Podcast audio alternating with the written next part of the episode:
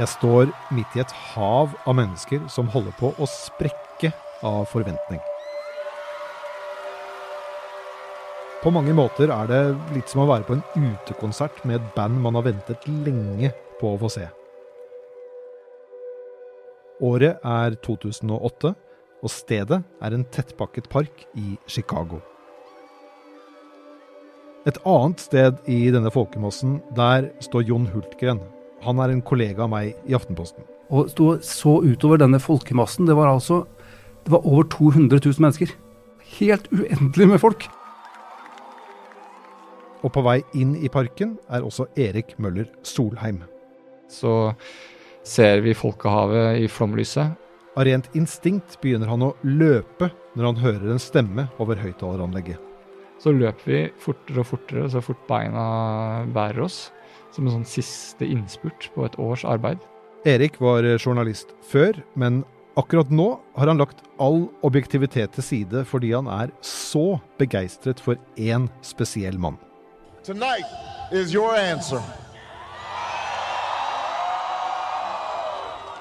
Så der står vi, alle tre, i novemberkulda og tenker at hvis alle disse menneskene i denne parken får det sånn som de håper, så er det starten på en ny æra for amerikanerne, og kanskje for verden.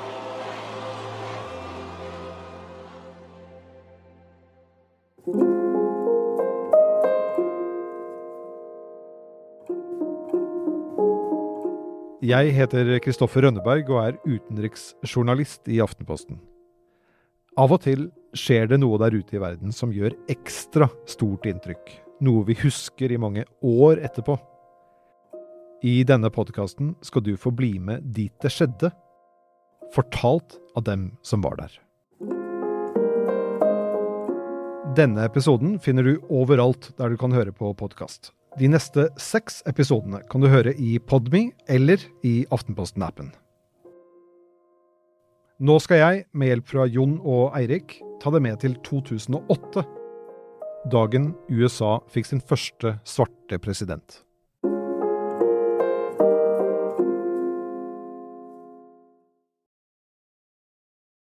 Lyden av 2008 er nok for mange lyden av Beyoncés All The Single Ladies eller Flowriders superhit Low. Mobiltelefonene våre var noe vi stort sett brukte til å ringe eller sende tekstmeldinger med. iPhone var bare et år gammel, og det var heller ikke noe de fleste av oss gikk rundt med i lommen. Jeg står her nå foran samme skolen i Hyde Park i Chicago, hvor Barack Obama avga sin stemme for en knapp time siden. Jeg var sendt til USA, et land jeg kjente godt etter å ha bodd der i flere år på begynnelsen av 2000-tallet, for å dekke det amerikanske presidentvalget. Og 4. november, selve valgdagen, sto jeg foran en skole i Chicago og snakket med folk som var der for å stemme. So who did you vote for and why? I voted for Senator Barack Obama. I believe that he is the candidate for change. We've been, been through years and years. Det var en spesiell tid i USA. Mange var rasende etter åtte år med George W. Bush. So who are you voting for and why? Barack Obama, because America finally has a chance to prove that it is what it's always said it is by electing an African American president. Svaret var variasjoner over ett og samme tema. Alle jeg har snakket med sier ett navn, og det er Barack Obama. Og alle sier også at eh, noe av årsaken til at de eh, ønsker å få ham inn i Det hvite hus, er dette med håp, og at han kommer til å bringe forandring til både Det hvite hus, til USA og til verden. Nå var det kanskje ikke så rart at alle i denne køen stemte på Barack Obama, demokratenes presidentkandidat, det året. Dette var tross alt nabolaget han bodde i. Men svarene jeg fikk den dagen, vitnet likevel om at folk syntes det var noe helt spesielt med denne fyren. Primært dette som handlet om sånn, hovedbudskapet hans, som handla om uh, samarbeid på tvers av partigrensene. Det som samler oss, er sterkere enn det som driver oss fra hverandre. Han du hører her, er Erik Møller Solheim. I dag er han forlagsredaktør i Oslo, men den novemberdagen i 2008 var han i Chicago akkurat som meg. I tillegg til uh, at han rent personlig var en veldig sympatisk uh, kandidat. En, uh, en, veldig intelligent og smart fyr som ikke hadde fått den gratisreisen som veldig mange av hans politiske motstandere har hatt. En type outsider-rolle som jeg tror han både selv dyrket, men også nøt godt av. da. og som ga veldig gjenklang i veldig mange av hans supportere. Om velgerne jeg snakket med den dagen var gira på Obama-seier, så var Erik i en helt annen klasse. Ett år tidligere hadde han og en kamerat nemlig bestemt seg for å verve seg som frivillige for Obama-valgkampen. Litt på samme måten som to unge menn i 20-åra kanskje velger seg det særeste bandet eh, fordi de, de har den kuleste T-skjorta, så du kan stikke seg litt ut i skolegården. Da Erik bestemte seg for å jobbe for Obama-kampanjen, var den amerikanske politikeren fortsatt ikke særlig kjent, spesielt ikke i Norge. De fleste regnet egentlig med at det var Hillary Clinton, den tidligere førstedamen og senatoren, som skulle vinne nominasjonskampen. Jeg, jeg syns han var en utrolig kul kandidat, og jeg syns det var noe kontrært og noe gøy ved å, å, jobbe for en kampanje som i utgangspunktet ikke hadde noen sjanse i havet. På mange måter var Barack Hussein Obama en helt uvanlig kandidat. Ikke bare fordi han var halvt afroamerikansk og hadde et uvanlig navn, men han var også ganske uprøvet som politiker. Mange av konkurrentene hans undervurderte ham fordi han var så ung og uerfaren. Men Obama hadde et trumfkort. Tonight is a particular honor for me because, let's face it, my presence on this stage is pretty unlikely. Og det var en helt utrolig evne til å holde taler som gjorde at folk engasjerte seg. Jeg husker veldig godt første gangen jeg hørte ham tale.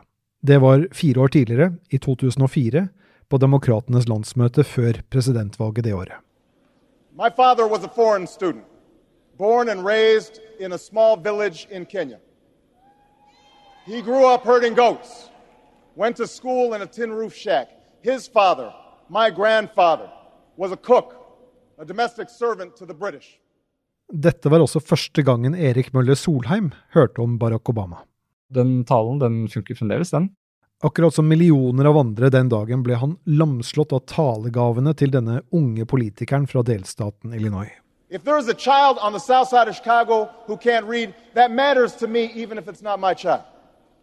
If there's a senior citizen somewhere who can't pay for their prescription drugs and having to choose between medicine and the rent, that makes my life poorer even if it's not my grandparent. If there's an Arab American family being rounded up without benefit of an attorney or due process, that threatens my civil liberties.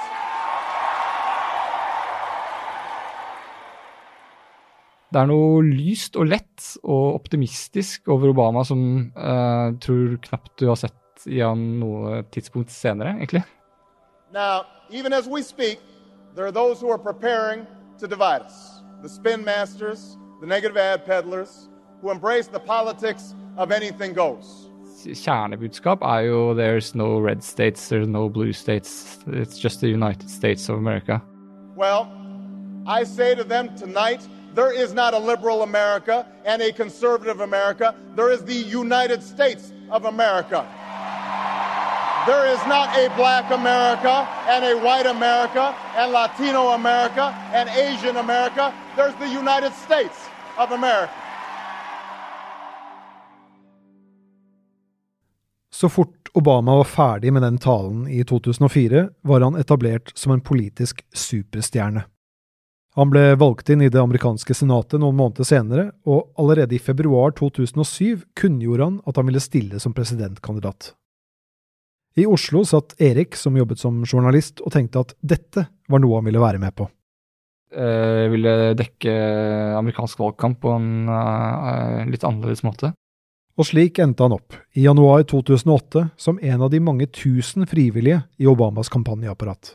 Vi dro jo da til dette kontoret på 300 West Adam Street, som var da hovedkontoret for frivillige i Chicago. Og tror først vi har gått feil, fordi når vi kommer inn der, så ser det ut som en blanding av et uh, konkursrammet uh, tech-firma og en revolusjonær undergrunnsbevegelse. Og dette tror jeg egentlig var ganske sånn tilsikta fra kampanjens uh, side. At uh, det skal være den der følelsen av at dette her kommer ikke til å gå hvis ikke jeg setter meg ned og tar den telefonen. Her trenger det virkelig min hjelp. Erik la fra seg alt av journalistisk objektivitet da han begynte å jobbe for Obama-kampanjen. Så uh, endte jo veldig fort opp da, i det øyeblikket jeg begynte å jobbe for kampanjen, uh, med at jeg ble en fullblods frivillig, på lik linje med alle andre. Troen hans på denne amerikanske politikeren var så stor at det nesten nærmet seg det kultaktige. Erik og mange andre i Obama-sfæren opplevde liksom en slags nærhet til Obama. Kjente på en eller annen sånn personlig kobling til kandidaten, som handlet om noe dypere enn bare at han eh, satt på toppen av den organisasjonen vi valgte å jobbe for. Det var nesten sånn at de følte at de kjente ham, at han kjente dem, selv om de aldri hadde snakket sammen eller møtt hverandre. Det er flaut å si det, men ja. For jeg, jeg, jeg, så det jo allerede da, at det er noe eh, dyp identifikasjon med hans verdier og, hvem, og hans personlighet. Uh, som, at han var dypt menneskelig, eller at han var på en måte overmenneskelig? Jeg tror det er en kruttsterke komboen av de to tingene, faktisk. At han både er dypt, eller var dypt menneskelig, og samtidig representerte den aller beste utgaven av det du ønsket selv å være. Da.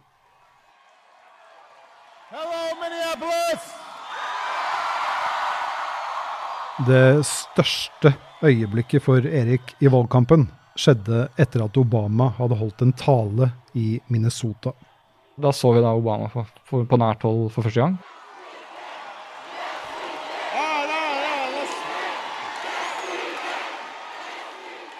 Etter talen skulle presidentkandidaten hilse på folk i salen. Erik han håpet å bli en av dem, og han sto i en skikkelig god posisjon. Og jeg eh, beskriver det nærmest som en sånn eh, Messias-øyeblikk. Uh, jeg strekker meg over uh, de som står foran meg. Erik var jo ikke den eneste som ville hilse på Obama. De presset seg sammen rundt den store helten og gjorde det vanskelig å komme til. Men Erik han er ganske høy, og ved å vende hodet litt bakover klarte han å strekke fram hånden sin de ekstra få centimeterne han trengte. Og så kjenner jeg bare en hånd som tar min. Så kjenner jeg en giftering som klemmer mot innsiden av håndflaten min.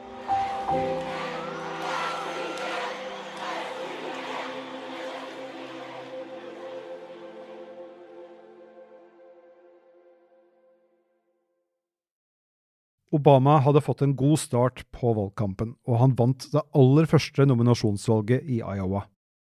Hillary Clinton hun havnet på tredjeplass. Men å velge en presidentkandidat i USA tar veldig lang tid. Nominasjonsvalgene skjer ikke i alle delstatene samtidig, og prosessen pågår i nesten et halvt år. Det er ikke alltid kandidaten som vinner i Iowa, som har det første nominasjonsvalget, ender opp som partiets kandidat. Hillary Clinton sto fortsatt sterkt. Det store gjennombruddet kom 5. februar 2008. Da var det nemlig den såkalte supertirsdagen, der nesten halvparten av delstatene skulle gjennomføre nominasjonsvalg. Det var den dagen jeg forsto hvilken vei det gikk, da. Erik og de andre som heiet på Obama, visste at så lenge han klarte å henge med i teten etter supertirsdag, ville han ha gode muligheter til å vinne nominasjonskampen. Da resultatene begynte å tikke inn, ble det klart at Obama hadde gjort det veldig bra det var et sånn gåsehudsøyeblikk, for jeg bare skjønte at dette kommer til å gå. Det, det, det, det, er ingen som klarer å stoppe denne bevegelsen da.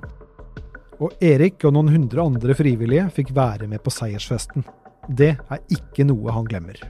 Uh, nå får jeg nesten gåsehud når jeg snakker om det også, faktisk.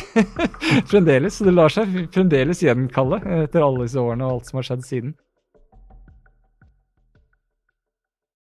Etter denne supertirsdagen i februar gikk alt riktig vei for Obama. Selv om Hillary Clinton også sikret seg massevis av stemmer, klarte hun ikke å få has på denne unge senatoren fra Illinois. I juni 2008 ga hun seg. Obama vant nominasjonen og ble dermed demokratenes presidentkandidat.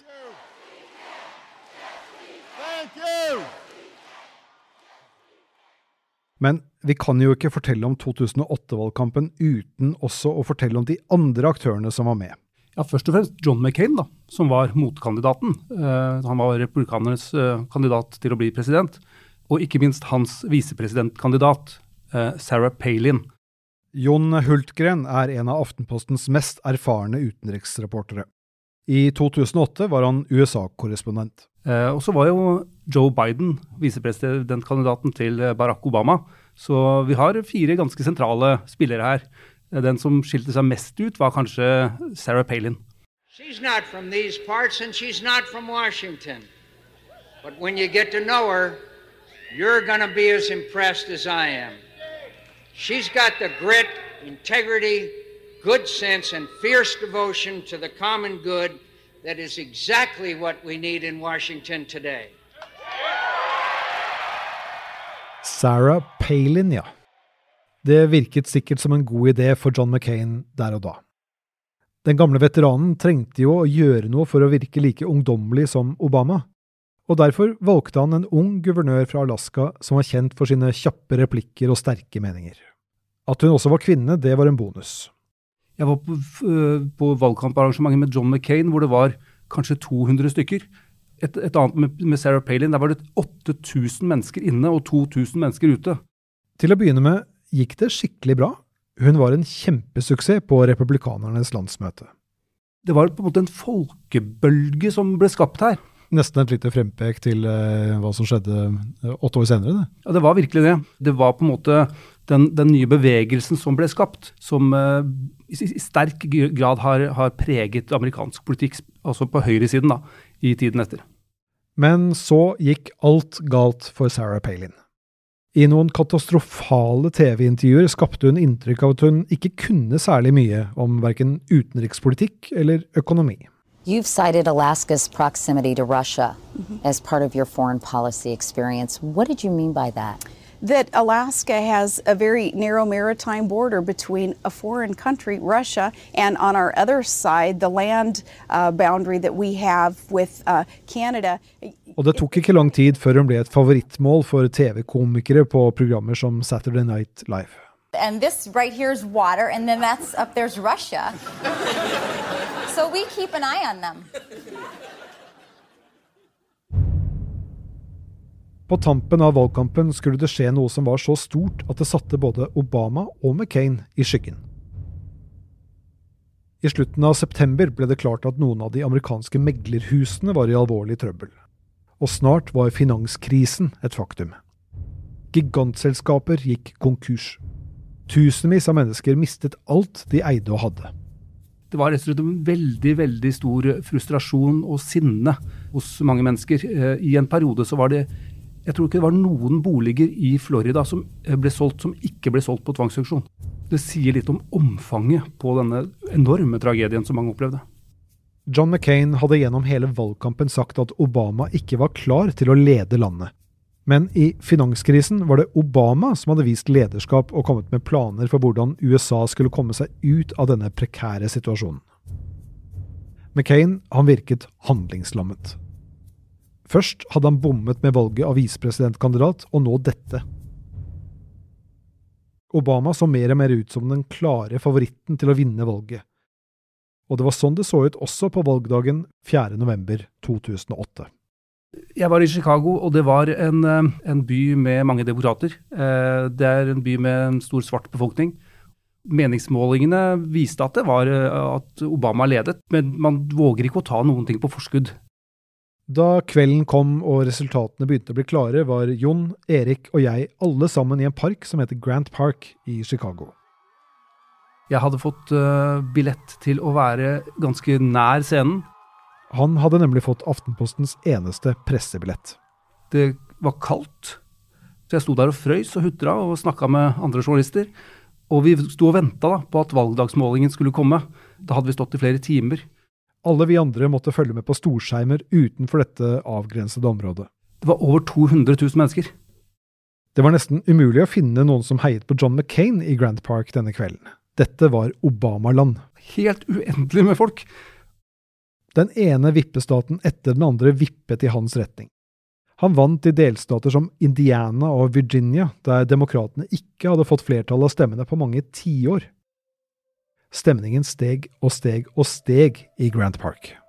Vi sto der to timer i kø før vi kom gjennom sperringene, og da bare rent, av rent instinkt så bare begynner vi å løpe.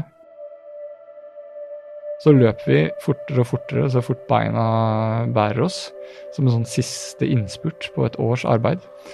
Og i det sekundet vi treffer folkehavet, så hører vi Wolf Blitzer si over anlegget And CNN can now project that Barack Obama will be the 44th president of the United States.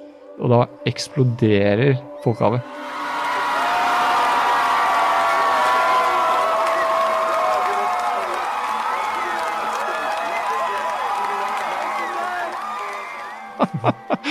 det var det som om noen hadde regissert øyeblikket for meg.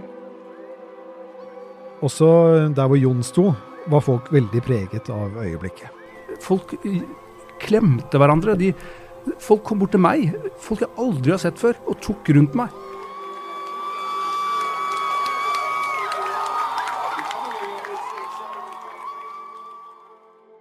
I parken kunne vi se TV-opptaket fra Arizona der John McCain erkjente nederlaget. Obama ville bli USAs 44. president. Etter hvert som sjokket legger seg, blir det nesten helt stille. Og da står folk bare og klemmer og gråter og lar det bare synke inn. Da var det mange som sto og gikk dypt i seg selv. Og snart dukket også Barack Obama opp på scenen i Grand Park. If there is anyone out there who still doubts that America is a place where all things are possible, who still wonders if the dream of our founders is alive in our time, who still questions the power of our democracy, tonight is your answer.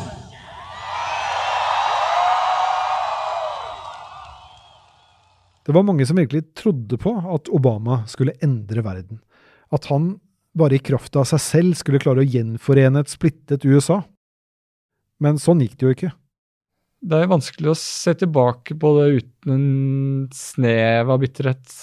Og da tenker jeg ikke nødvendigvis på hvordan det gikk med Obama som kandidat. Barack Obama hadde nok ikke blitt president hvis ikke det var for at han var en slags reaksjon på årene med George W. Bush. Men så svingte pendelen andre veien. Så det er umulig å se tilbake på den dagen uten å høre ekko av Trump i bakhodet til en viss grad. Mm. Raseriet mot Obama på høyresiden var kanskje den viktigste årsaken til at det ble rom for Donald Trump i amerikansk politikk i 2016. Alt henger sammen med alt. Samtidig så er, jeg, er, det en del av den opplevelsen som jeg aldri har lyst til å gi slipp på, og det er ideen om hva nok mennesker kan få til hvis de går sammen om det. Og den ideen om at det ikke alltid er naivt å håpe. At uh, innimellom så fins det muligheter i det håpet, og det fins en kraft i det håpet. Dette var første av syv episoder i podkasten Jeg var der. I neste episode skal du få være med til Kairo i 2013, da den arabiske våren endte i et blodbad. De fleste har glemt denne massakren, men det har ikke Aftenposten-korrespondenten Kristin Solberg. Hun var der. Du husker jeg gikk rundt hele dagen om. Når det er en moské, så tar man av seg skoene før man går inn. Da jeg kom tilbake på hotellet, så hadde jeg disse sokkene mine som var fulle av blod. I denne episoden har du hørt lyd fra nyhetsbyrået AP, Reuters og New York Daily News. Produsenter er Nikoline Mevasvik Haugen og Peter Daatland, og mitt navn er Kristoffer Rønneberg. Resten av redaksjonen består av Guri Leiel Skedsmo og Karoline Fossland.